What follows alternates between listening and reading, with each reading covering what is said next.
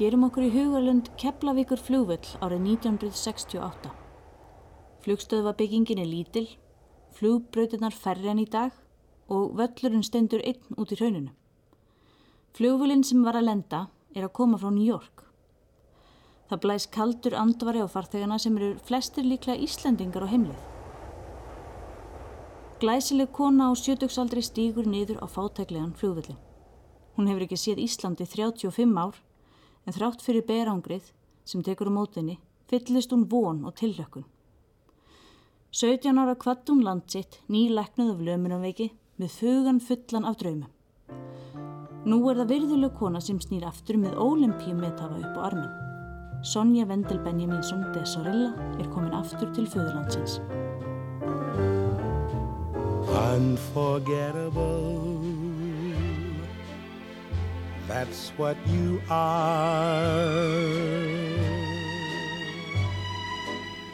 Unforgettable Though near or far like a song of love that clings to me. How the thought of you does things to me. Never before has someone been more. Í síðasta þætti sögum við ykkur frá lífi Sonju í New York frá 1940 til 1968 þar sem hún hræriðist í hringuðu samkvæmis lífsins og gerðist fjárfestir á Wall Street. Hún átti í ástarsambundum við þekta og valda mikla menn og umgegst lista elituna í borginni. Hún var þegar farin að efnast á hlutabreyfa braskinu og auður hennar fór vaksandi. Þegar hún lést skildi hún eftir sig gildan sjóð. Þessi styrtarsjóður var ætlaður fyrir íslensk og bandarísk börn en fá virðast hafa notið góðs af. Hvar eru peningarnir?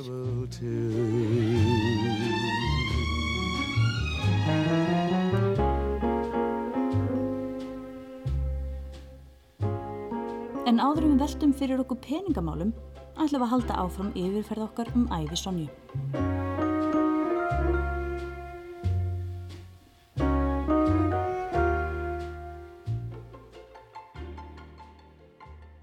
Sonja kom til Íslands árið 1968 til að mæta í brúðköp Þórunar, dóttur Sofíu vatni vinkonu sinnar og Jakobs Möller. Söknuðurinn eftir Íslandi hefði ekki þjagað hana öll árin sem hún var að heimann, en eitthvað komi yfir hana stuttu eftir að visslubóði barst. Eitt góðan við dag þá var ég að kera upp uh, Sixth Avenue. Það var um sumar og það var eitthvað hundrastega híti alveg ræðilegt loft því að um, það var einhvers konar eitthvað yfir New York svo ekkert komst upp og ekkert komst niður og það var svo leiðis bara stæfling maður gæti valla ég veit ekki hvað og það voru alls konar bílar og trucks og, og veru bílar allt í kringum hann. Og ég var þannig í, í bíl og, og ég bara saði við sjálfum allt í einu langaði mér svo alltaf að fara til Íslands og einhvern veginn ég bara allt í einu ég var að deyja mér langaði svo að fara. Ég saði nú fer ég. Það er ekkert með það. Svo ég eh, skrifaði fólki sem þekktu og baði maður um að finna hann okkur land eða lítinn bondabæ eða sumarhús eða eitthvað og það var þannig sem að ég fekk var fallegt lítið fallega lítinn stað á, við vatn og fór til Íslands. Hjónin Sonja og Alberto Sorilla fóruð til Íslands þrátt fyrir að hann tildi illa að fljúa. Í fyrstu ferðinni til Íslands endur nýjaði Sonja kynnin við vini og kunningja.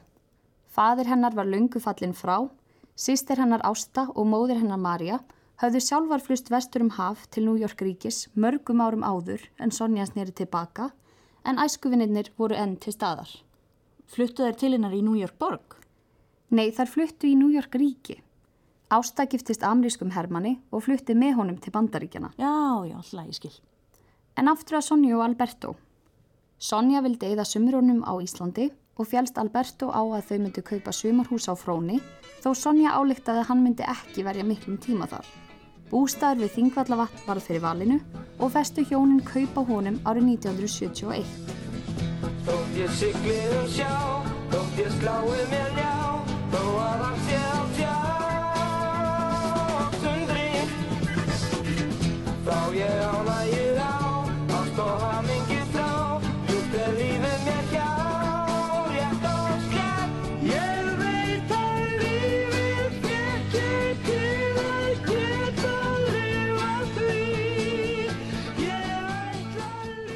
Þessi frétt byrtist í þjóðveljunum 9. júni 1971.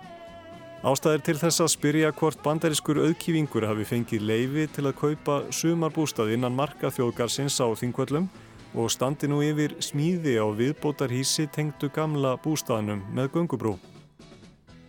Bústað þennan reisti Alexander Jóhannesson, professor upp úr líðveldis árinu 1944 og er hann einn af eldstu sumarbústöðum á þingvöllum.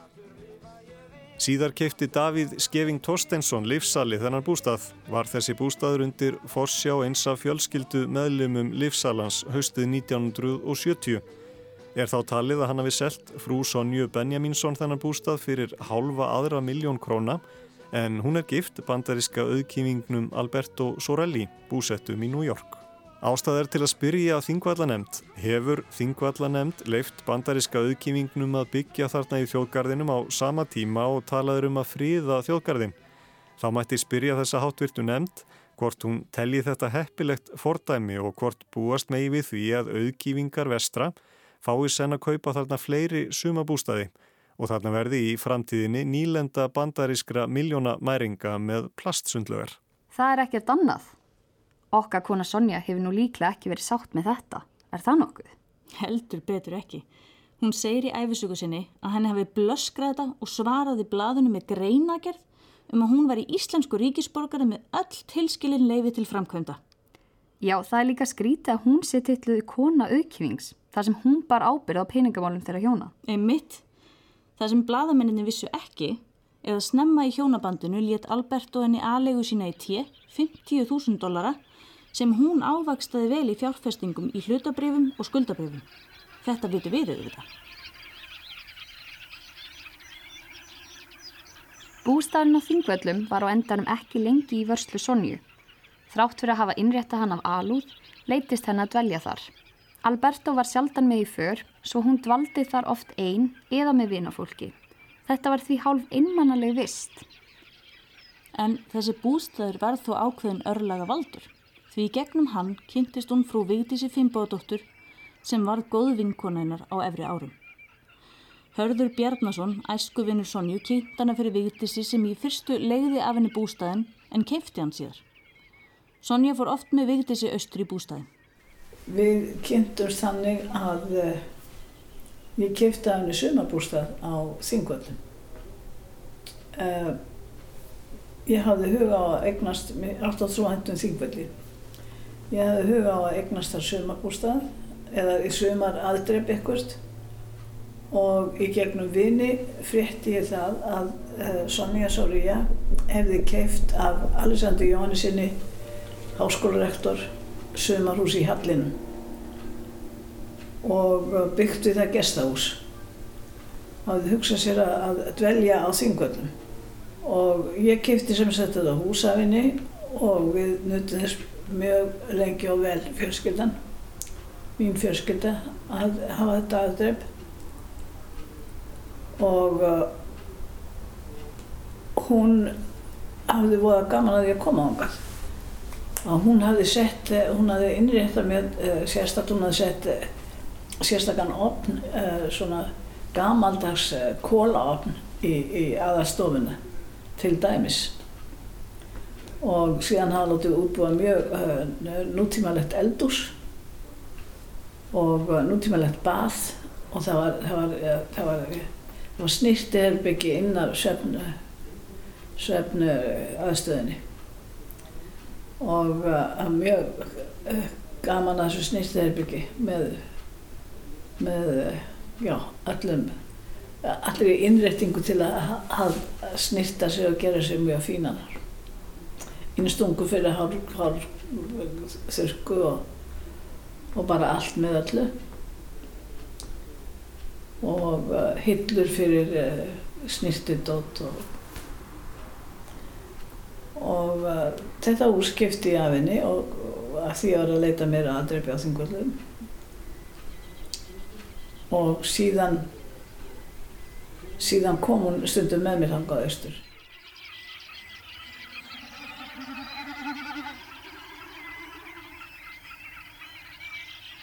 Það var í einverinu á þingvöllum sem hugmyndin að styrtasjóði fyrir börn kom fyrst upp í huga Sonju, eins og segir í æfisöguðinnar. Eitt sinn held ég að mikil fjárráð væru líkill að ómældri lífshemingu, en nú vissi ég að það var mikil miskilningur. Ekki var hægt að kaupa sig frá einmannaleikanum. Þessa lungu sumardaga varð einmannleikin til þess að ég leitaði að fólki til að tala við. Mér fannst ég vera á krossgötum Alberto var tekin að eldast, komin yfir sjötugt, auk þess sem hjónaband okkar hafði ekki verið annað en sambíli tvekja ólíkra einstaklinga sem áttu fátt sameigilegt. Mér fannst líf mitt vera innantómt og ég sá ekki hvaða lífsfylling byði mín á næstu árum. Á þingvöllum fór ég að leggja drög að erðaskráminni. Ekki var öðrum lögerfingjum til að dreifa en ástu sýstur og fjölskyldu hennar. Allt í einu löst við niður í huga minn hvað ég ætti að gera. Fyrst ég átti engin börn sjálf, skildi ég láta sem flest börn njóta æfistars míns. Ég ákvað að eigur mínar ættu að renna í sjóð til styrtar börnum.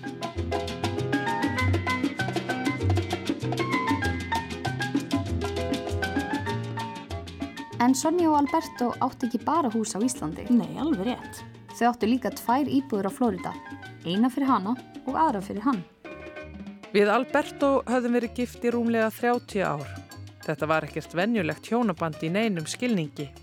Eftir fyrstu árin laug samlífi okkar en sambúðin helt áfram.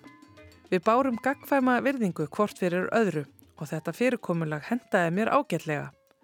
Nokkru sinnum datt mér í hugað óska eftir skilnaði en ég rætti þær hugmyndir ekki við neitt nefn að luppa. Hann réð mér eindreið frá því að slíta hjónabandinu.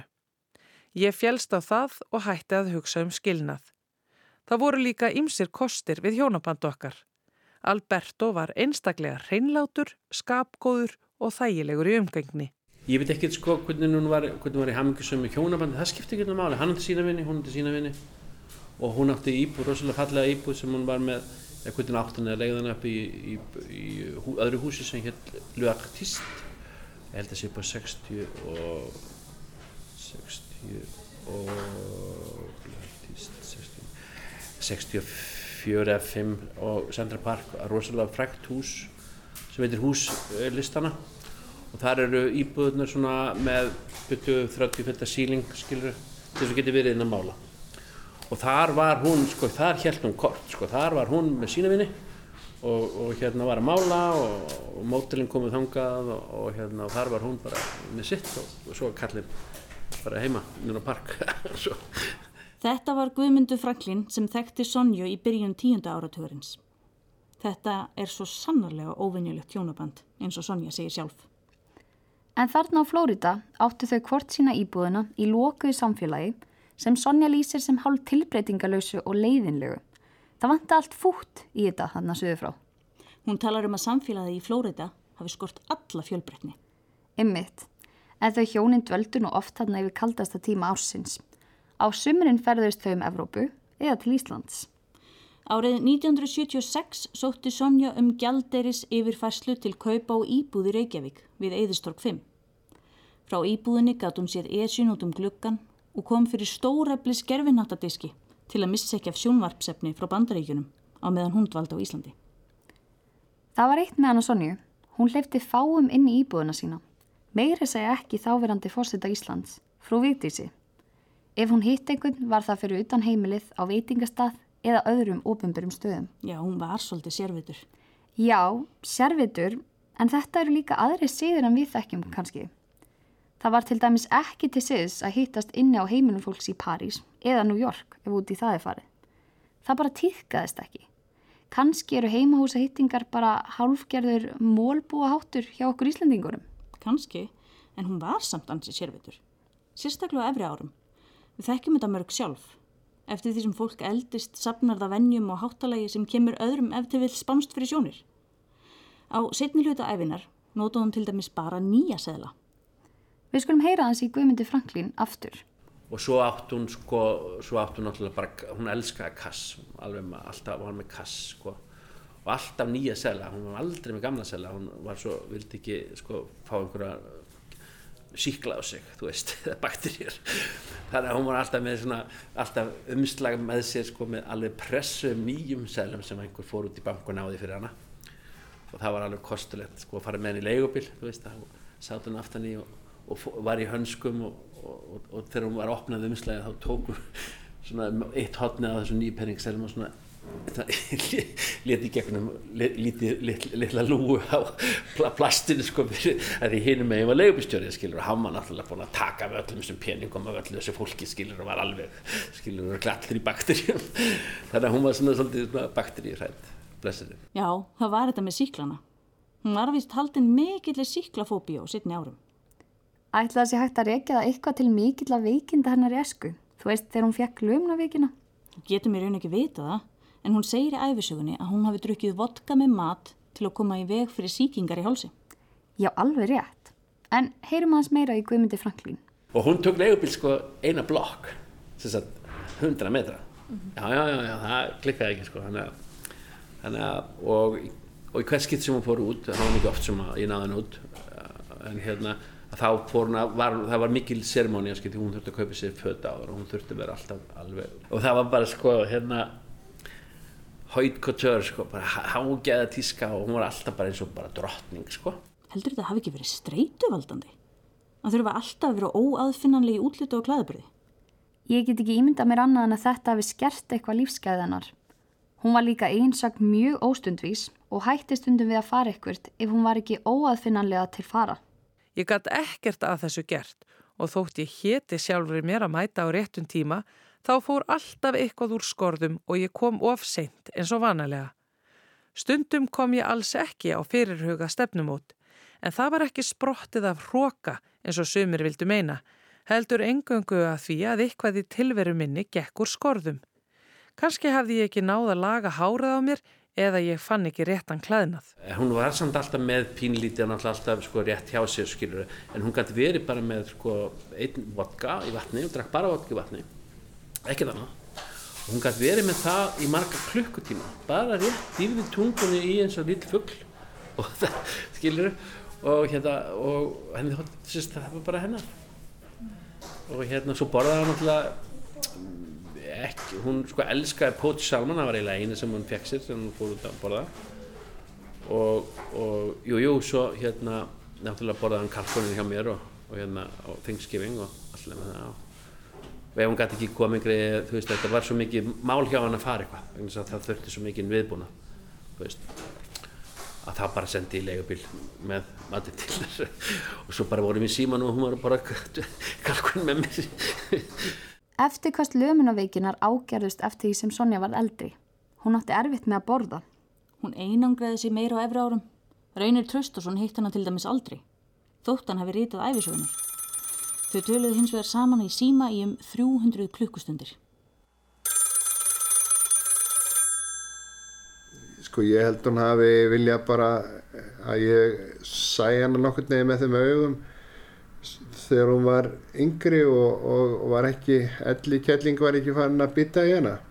Ég held að það hef verið það. Hún nokkur sinnum þá vild hún hitta mig og við vorum komin á fremsta hlunn en svo hætti hún alltaf við. Þetta var Reyni Traustason. En Sonja rætti við alla í síma. John Loeb, á meðan hann var á lífi, oft sinnis á dag, Onassis þegar þau áttu í sambandi, Guðmund Franklín oft á dag meðan þau voru í viðskiptum. Hún talaði við sýstu sína þegar hún var enn á lífi, vinkonu sínar á Íslandi. Í setni tíð fóru öll hennar samskipti við umheiminn í gegnum símalínuna. Alberto lést voru 1986, áttræður að aldri. Þá var Sonja sjötug. Eftir það fór hún að verja meiri tíma á Íslandi en fluttu þó ekki alfarið strax. En það var hennar nánasti vinnur John Loeb ennþá í New York. Lubbi kom nokkuð oft til Íslands með Sonju, meðal annars í lagsviði. Lubbi vektist ítla árið 1994 og þá fór Sonja ekki frá bandaríkjunum í tvö ár. Frances eiginkona hans lést í mæ árið 1996 og eftir það fór Sonja oftar til Lubba og þau töluðu saman á öllum tímum sólarhengsins. Hann laði margsinnis til að þau giftu sig en Sonja blés á slíkt tal. Hún sagðist vilja býða eftir því að hann næði hilsu og þá getur þau gift sig í kirkju. Laugadaginn 7. desember ringdi hann í hana og talaði eins og hann byði döðastundarinnar. Hann vildi hitta Sonju strax. Ég afsakaði mig og sagðist ekki geta komið alveg strax til hans. Hárið á mér væri í óreiðu og ég þyrst að finna mér fött og þetta tæki allt tíma. Þetta var auðvitað fyrirsláttur og ég vildi vinna mér tíma til að sapna kjarki. Eftir símtalið var ég miklu uppnámi og vissi að nú væri komið að leiðarlokum. Ég ráfaði fram og tilbaka um íbúðina og hugsanin mínar voru á ringulureið. Allt var eins og úr skorðum gengið. Þannig leið þessi dagur og sunnudagurinn rann upp eftir andvöku nótt. Þá loksins herti ég upp hugan og tók ákverðun. Ég varðað hittan en áður en ég náði að koma mér af stað, ringti símin. Í símanum var enga þjótt luppa sem sagði mér að hann væri allur. Hann hafði beðið þess óþreyju fullur að ég kæmi en svo hafði lífans fjarað út. Ég brast í þungan óstöðvandi grát. Það var ófyrirgevalegt af mér að neyta síðustu bón vinar míns. Mér fannst sem lífið hefði ekki lengur neitt tilgang og að ég hefði engan lengur til að lifa fyrir. When I said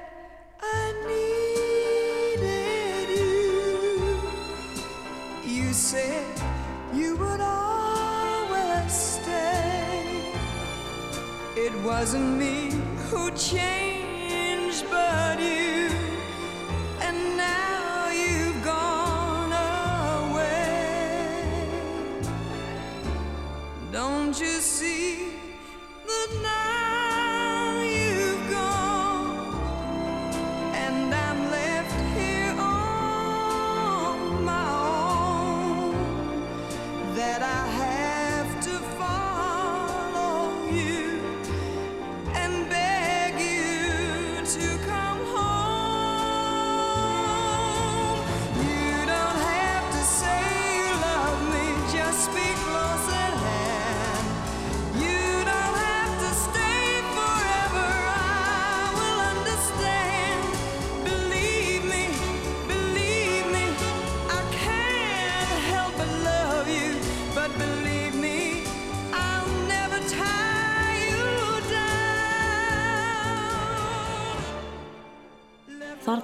árið 1996 ákvað Sonja að setjast að á Íslandi og eigða þar æfikvöldinu.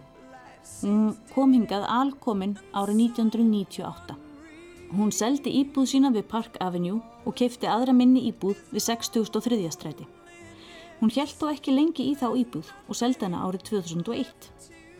Stuttu síðar komst hún í kynni við Reynir Traustason sem rýtaði æfisögunar og leiti til þess að Sonja varð þjóðþægt. Ég var að skrifa bók sem var um Íslendinga í Norður Ameríku og heit, heitir Ameríski draumurinn. Og þá hafði ég samband við Bryndis Skram og fleiri sem byggu Vestanás og, og til að fá upp svona hverju væri nú vanlegi kandidater í svona bók, svona cirka sex manns. Og ég var komið Bjarnar Geimfara og ég var komið hinn og þess að og svo Sonju Sorilja sem að Bryndi stakk upp á. Og þegar ég byrjaði að tala við hana þá náttúrulega skynjaði það að þetta var gríðileg saga. En var ekki venið plön önnur en þau að hún erði kapli í þessari bók. Þángar til að, að það kom upp þessi spurning e, ætti hún ekki verið heil bók? Og svarið var einfalt, jú hún átti að vera heil bók og, og niðurstafan svo að, að Amerísi draumurinn seldist svona 10% af þessari bók. En, það, hún var til í þetta og, og hérna hvort sem að vera heil bók eða, eða kapli þannig var þessi bók komst hún á stað. Samtöl Reynis og Sonju fóru engungu fram í gegnum síma og gáttu varað alltaf klukkutími senn en Reynir fór líka á slóðir Sonju í New York til að kynna sér líf hennar. Það verið klukkutími og, og já, upp í klukkutíma kannski. Og það var bara um oft fór þetta bara um heim og geima. Og en, en síðan náttúrulega var hún í sögugýrnum og allt það. Eh, svo var hinn hliðin að hún kannski var að segja mig frá ykkur á Manhattan það sem hún bjóð náttúrulega lengst af. Og þá þurfti ég að fara og ég fór held ég ég fór nokkuð marga ferðir til að hitta fólki sem að hún þekkti þar og, hérna, og skoða umhverfið sem hún bjóði og fara á klubbin hennar sem var hérna klubburinn hennar var náttúrulega bara það er stjæðistu stjörna sem mæta þar. Ég, nú mann ég ekki hvort hann var klubbur 54 eða hvað hann heitir eða hétt og þegar ég byrtist þar um meðan dag þá tók yfirþjóðnin á móti mér og, og þegar hann vissi að ég var að skrifa um Sonju þá sagði mér ég er að koma sem heiðistjöstur um kvöldi að vera bara og það er, þetta er, þetta er sko, þú veist að þú kemur inn í einn á þennan veitikastað að sá sem situr undir skjaldamerkinu það er eitthvað mjög merkilegur í augum eigandan og þar fikk ég að sitja út á það að vera höfundurinn að æfisögu Sonju. En hún satt alltaf það sem að var svolítið skuggi og hún sá yfir allt en, en hérna þannig valdi hún sér sæti Í gegnum samtölinn kynntist reynir personu Sonju og var hún ekki síður áhugasum um hans líf enda áttu þau bæði ættir að reykja til vestfjörða. Hún var að hans sögs snillingur í samræðu list sem tók sjálfa sig ekki of hátíðlega. Hún viðkenda að hún væri snoppuð og sagði bara það bara partur af öllu þessi leikriti sem hún lifði lengst af. En, en svo heyrði ég auðvitað alls konar kenningar um hana, mikið talað um hana og, og, og, og svona sem ég held að hafi nú verið svona ekkert sjálflega sangjart en það er oft með fólk sem að rýsa átt að það er, það er sætir yllu umtali þannig að hún bæði var hún þessi dölúð og svo var talað um hann á alla kanta og margi þóttist vita eitt og annað sem að, að svo kannski stóðst ekkert endilega.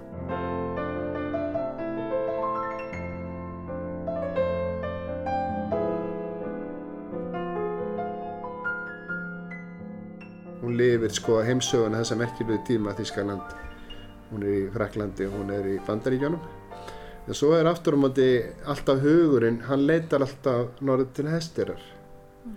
af því hún hafi verið þar um sumar og var vestfyrringur þannig var Ammenna sem var einn helsta fyrirmyndin hana sem að horfa á mannin sinn draugna og, og hérna e, það er þessi karakter að vera heimskona, vera svona stórglæsileg og þú hugsa með þér ok, já, þetta er svona pjáturóa en hún var, svo var hún bara inn í sér var hún svo mikil vestunningur og nagli sem auðvitað, það gengur ekkert annað. Hún, hún náttúrulega náði miklum árangri í sjálfu sér og, og þó hún kemist að því á endanum að, að það er ekki peningandi sem skapa hamingina, það er eitthvað allt annað. Þú, þú hérna þú getur lifað góðu lífi og, og, og notið lífsins listisenda en á endanum þá er það eitthvað annað í lífinu sem stjórnum álendinu það. I get along without you very well Of course I do Except when soft rains fall Hvað getur hann að hafa skort? Já, það má velta fyrir sér. Alberto var látið þegar hún flutti til Íslands, Ásta sýstirinnar var rúmlikjandi í bandarækjunum og hún stóð svolítið einn eftir þegar vinirinnar dóur hver á eftir öðrum út í bandarækjunum og á Íslandi. Það er það sem að satt í henni undir það síðast, hún átti ekki bann. Hún átti enga afkomundur og það er svolítið skrítið að vera á sviði heimsins og allar auðu kvílaður og svo allt inni þá ertu einn. I've forgotten you just like I should Of course I have, except to hear your name. Sonja sagði samt sjálf að hún vildi ekki börn. Það samræmdist ekki lífstil hennar í New York. Hún var þó sögn reynis áhugasum um þau og talaði meðal annars við börnin hans í síma. Tvísvar að þá vildi hún endilega fá þau í síman, að fá að heyri þeim aðeins og, og spjalla. Hún átti ekki börn sjálf, misti einu sinni fóstur en, en átti ekki börn. Og hún hefði mikið áhuga á því. Og ég held að, að hann, hann eh, Símon, sonu minn, hafi talað við, hann. Var nú úrlingur þá ábyggilega, hann talaði ábyggilega tvísað við hann. Og hún gæti talað við alla, það var alveg sama hvort þú varst, hvort það voru fimm ára eða eða 105 ára, hún bara spjallaði við alla og, og, og náði, náði tengingum. Það er kannski ástæði þess að hún hugsaði svona stert til barna þegar komað erðamálunum. I get along without you very well. Of course I do. Á síðustu árum sínum átti Sonja í miklum samskiptum við Guðmund A. Birgisson frá Núpum í Ölfusi. Sonja kallaði hann aldrei annað en Gumma frænda. Hún kynntist honum ekki fyrir árið 1990. Þau voru skild í annan og fjörða ætlið þannig að hans sína amma Sonju á hesteri var langa langama Gumma frænda. Eftir að Sonja seldi Vigdísi bústaðan og þingvöllum fór hún að leita að öðrum stað undir sumarhús. Hún hafið samband við Gumma og hann leti henni til lóð við hliðin á íbúðurhúsi sína og núpum í byrjun tíunda áratugurins. Húsið var byggt á meðan hún var enn með annan fótinn í New York. Fyrsti Rolsins sem skráður er til notkunnar hér á landi kom til landsins fyrir skömmu. Eigandi hans er Sonja Sorilla sem er íslensk en hefur lengi verið búsett í bandaríkjunum. Hún segir að flestir vekkfærendur snúi sér við til að horfa á hann og þó helst þeir sem sjálfur eru á dýrum og fínum bílum. Sonja er um þessar myndir að byggja sér hús næri hveragerði og hyggst nota bílinn meðan hún dvelst þar. Til að bílinn fengist skráður hér á landi gerðu framleiðendur hans þá kröfu að maður kæmi hingað frá Skotlandi árlega til að yfirfara bílinn og hafa eftirlit með honum. Sonja kifti þennan Rolls Royce árið 1995 og hann vakti mikla aðtegli eins og þessi frétt sem byrtist í morgumblæðinu sama ár ber með sér. Bílinn var gjarnan gemdur að núpum. Gummi frændi var það nánasti aðstóðumar Sonja á Íslandi eftir hún hófa að dvelja hér langdvölum og sérstaklega eftir að hún var alveg flutt heim. Hann óginni meðal annars um í rólsinum sem hún kerði aldrei sjálf. Sonja sagði í æfisögu sinni að eignir hennar ættu að renna til góðverka í þáu barna. Gummi frændi far enga peninga en það þarf hann ekkert á þeim að halda. En ég ánafnaði honum rólsin í þakklætti skinni fyrir alla bíltúrana sem við fórum í saman. Mér finnst áriðandi að forðast að deilur gjósi upp þegar fólk fellur frá eins og oft gerist. Ég hafði ákveðið að Gummi myndi stjórna sjóðunum á samt lögmanni mínum John Ferguson sem hefur annast mín mál mörg undanfærin ár. Gummi er rétti maðurinn til að tryggja að sjóðurinn dapni og að útlutað verðu úr honum af sangirni. En hver er Guðmundur A. Birgisson og hvers vegna er hann kentu við núpa? Guðmundur A. Birgisson er fættur í Reykjavík 1. júli 1961. Hann kefti jörð við Núpa í Ölfusu og efnaðist talsvert fyrir aldamotun 2000 á sölu á jörðum við Núpa og við Þórustadi á Vasslistströnd til Hitavitur Reykjavíkur. Hann var meðal annars meðeigandi að félaginu Lífsvali sem var stærsti landeigandi landsins. Félug sem hann kom að áttu Hótel Borg og Nordica Spa og hann áttu í fiskeldi Víða og Suðurlandi. Hann skaut upp kollinum í fréttonum í fyrrahaust þegar hann var dæmtur í tveggjára skilósbundi fangelsi fyrir um 300 miljóna krónar skilasveik og peningaþvætti í tengslum við gældrót sitt. Hann var ákjærðu fyrir að halda frá skiptastjóra fastegnum á Spáni, Flórida og í New York, listaverki og eign í bandarískum fjárfestingasjóði. Guðmundur var úrskurðaður gældróta í lok árs 2013 en hann var dæmdur í fyrra þar sem ímiskonar eignir höfðu ekki verið gefnaru við gældrótaskiptin. Trausti Hafstinsson, bladamæður, hafði samband við John Ferguson, lögmann og hinn sjóðstjóra Sonjusjóðsins tengslu með dómin. Í fréttinni sem hann byrti í mannlífi 1. oktober 2020 kemur fram að Ferguson ítreki að hann aðskilur sig alfarið frá viðskiptum guðmundar og að ekkert af þeim tengist sjóðnum, því Ferguson einn hafi haft hönd á öllum peningunum frá upphafi.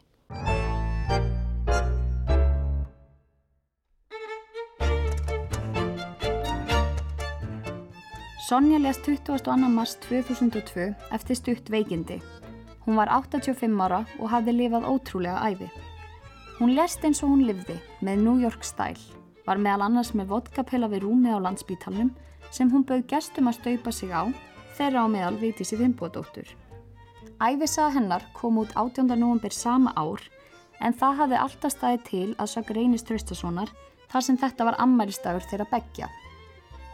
Stuttu eftir andlát Sonju urðu óskerinnar um sjóðin ofinberar og einn fyrsta fréttin af sjóðunum byrtist á forsuðu fréttablaðsins 23. oktober 2002.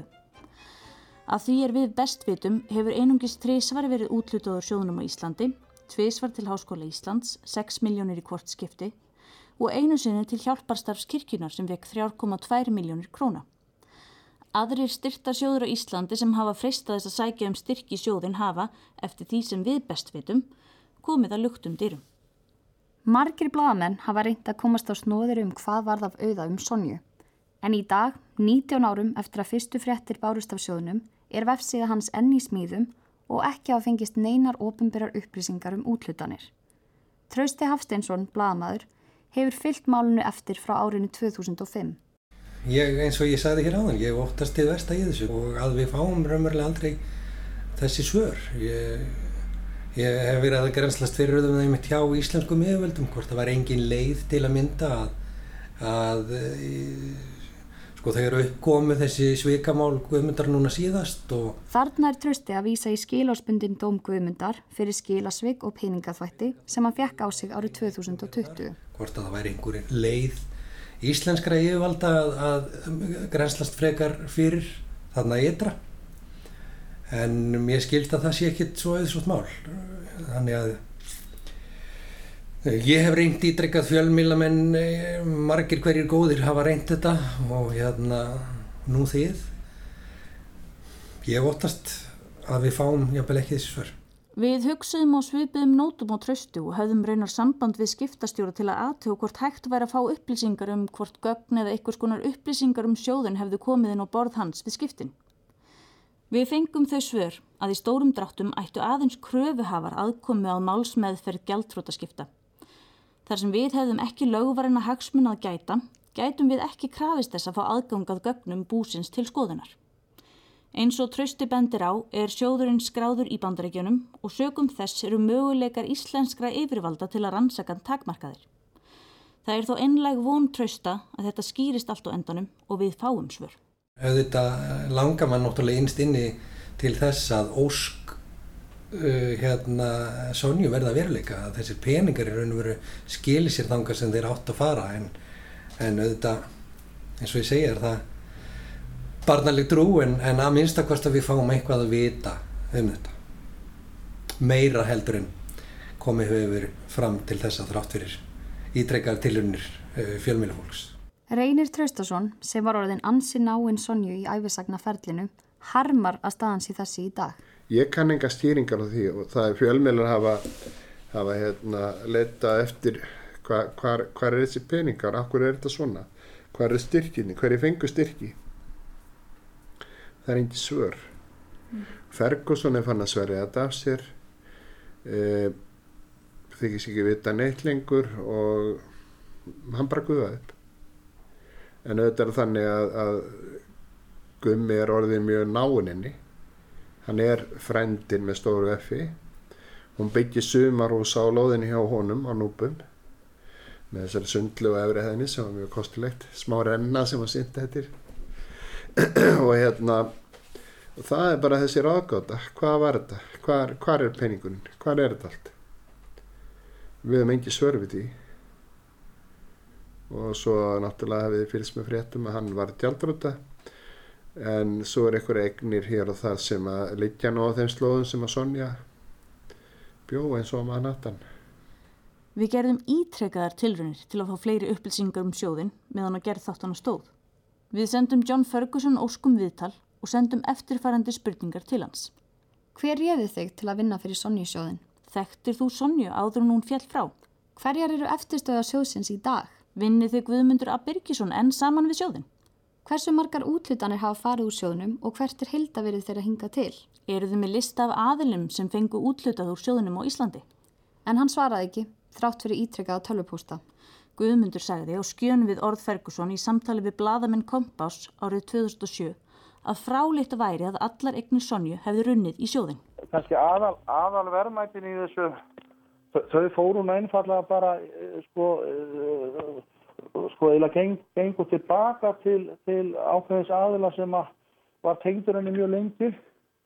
Og ég fari nú ekkert að útskýra það kemur eiginlega fólk ekki við en, en erðarskráin hún snýst ekki bara um þessa foundation sko, það er ímislegt í, í henni sem að, og mér finnst eiginlega sko það verður þá mínu ákvörðun og, og, og annar að hvort að ég að fara að útskýra það, mér finnst það bara ekki algjör vanvið að við hana en, og það er náttúrulega eins og hún hafi verið að láta aðlegun í þetta hún átti erfingja, aðra erfingja. Og ég menna þetta, þetta er mjög, þetta er marg flóki, ég menna það eru erfingjar af einsum öðrum toga heldur en bara þessi sjóður. Og, og ég menna akkur áfæra að útskýra það eitthvað fyrir ansöðu í smáadröðu svona prívatmál, ég bara spyr. Það var erfitt að hafa upp á símónumeri eða netfangi hjá Guðmundi frá núpum, en það áttu fæstir viðmælendur okkar enn í samskiptum við hann. Við báðum meira að segja Fergusonum og tengja okkur án árangus. Við ringdum líka í ferðarþjónustun á núpum til að óska eftir sambandi við hann, en allt kom fyrir ekki. Við sendum líka hefbundin brefpost á heimil hans í Reykjavík og að núpum með eftirfarandi spurningum sem við vildum leggja fyrir hann. Hvað var Sonja Foundation sjóðurinn upphaflega stór? Árið 2007 sæði þú í viðtali við Kompás að útlutanir í hildina hefði verið milli 100 og 200, bæð á Íslandi og Erlendis og þar af á Íslandi væri það milli 10 og 20.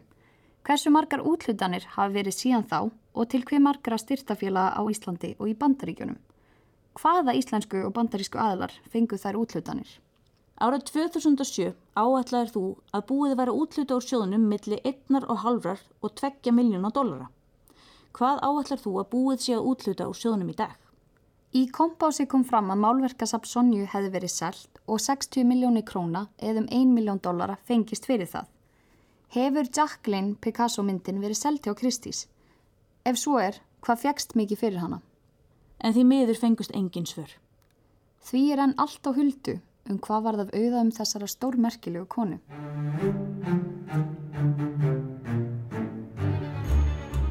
En þó við hefum ekki komist lengra og hér ljúki yfirferð okkur um æfi Sonju, vonum við að bladamenn haldi áfram á grúska í málinu og að ykkur tjóman komi svöru. Við kveðjum með tangólagi sem hljómaði í jarðaför Sonju og minning Sonju Tesorilla lifir, minning um ógleymanlega konu sem réð sér alltaf sjálf.